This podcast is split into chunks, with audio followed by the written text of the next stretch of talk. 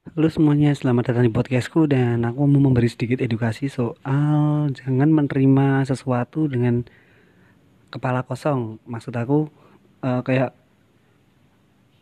akhir-akhir ini kan banyak berita-berita hoax atau berita-berita palsu yang dibuat oleh seseorang itu berpeluang besar karena mereka tidak langsung mencari kebenaran atau menyimpannya seperti dahulu. Jadi intinya simpan dan eh, ketahui kebenaran dari sebuah hal atau berita terlebih dahulu ya guys. Jangan langsung mentah-mentah diterima dengan kepala kosong.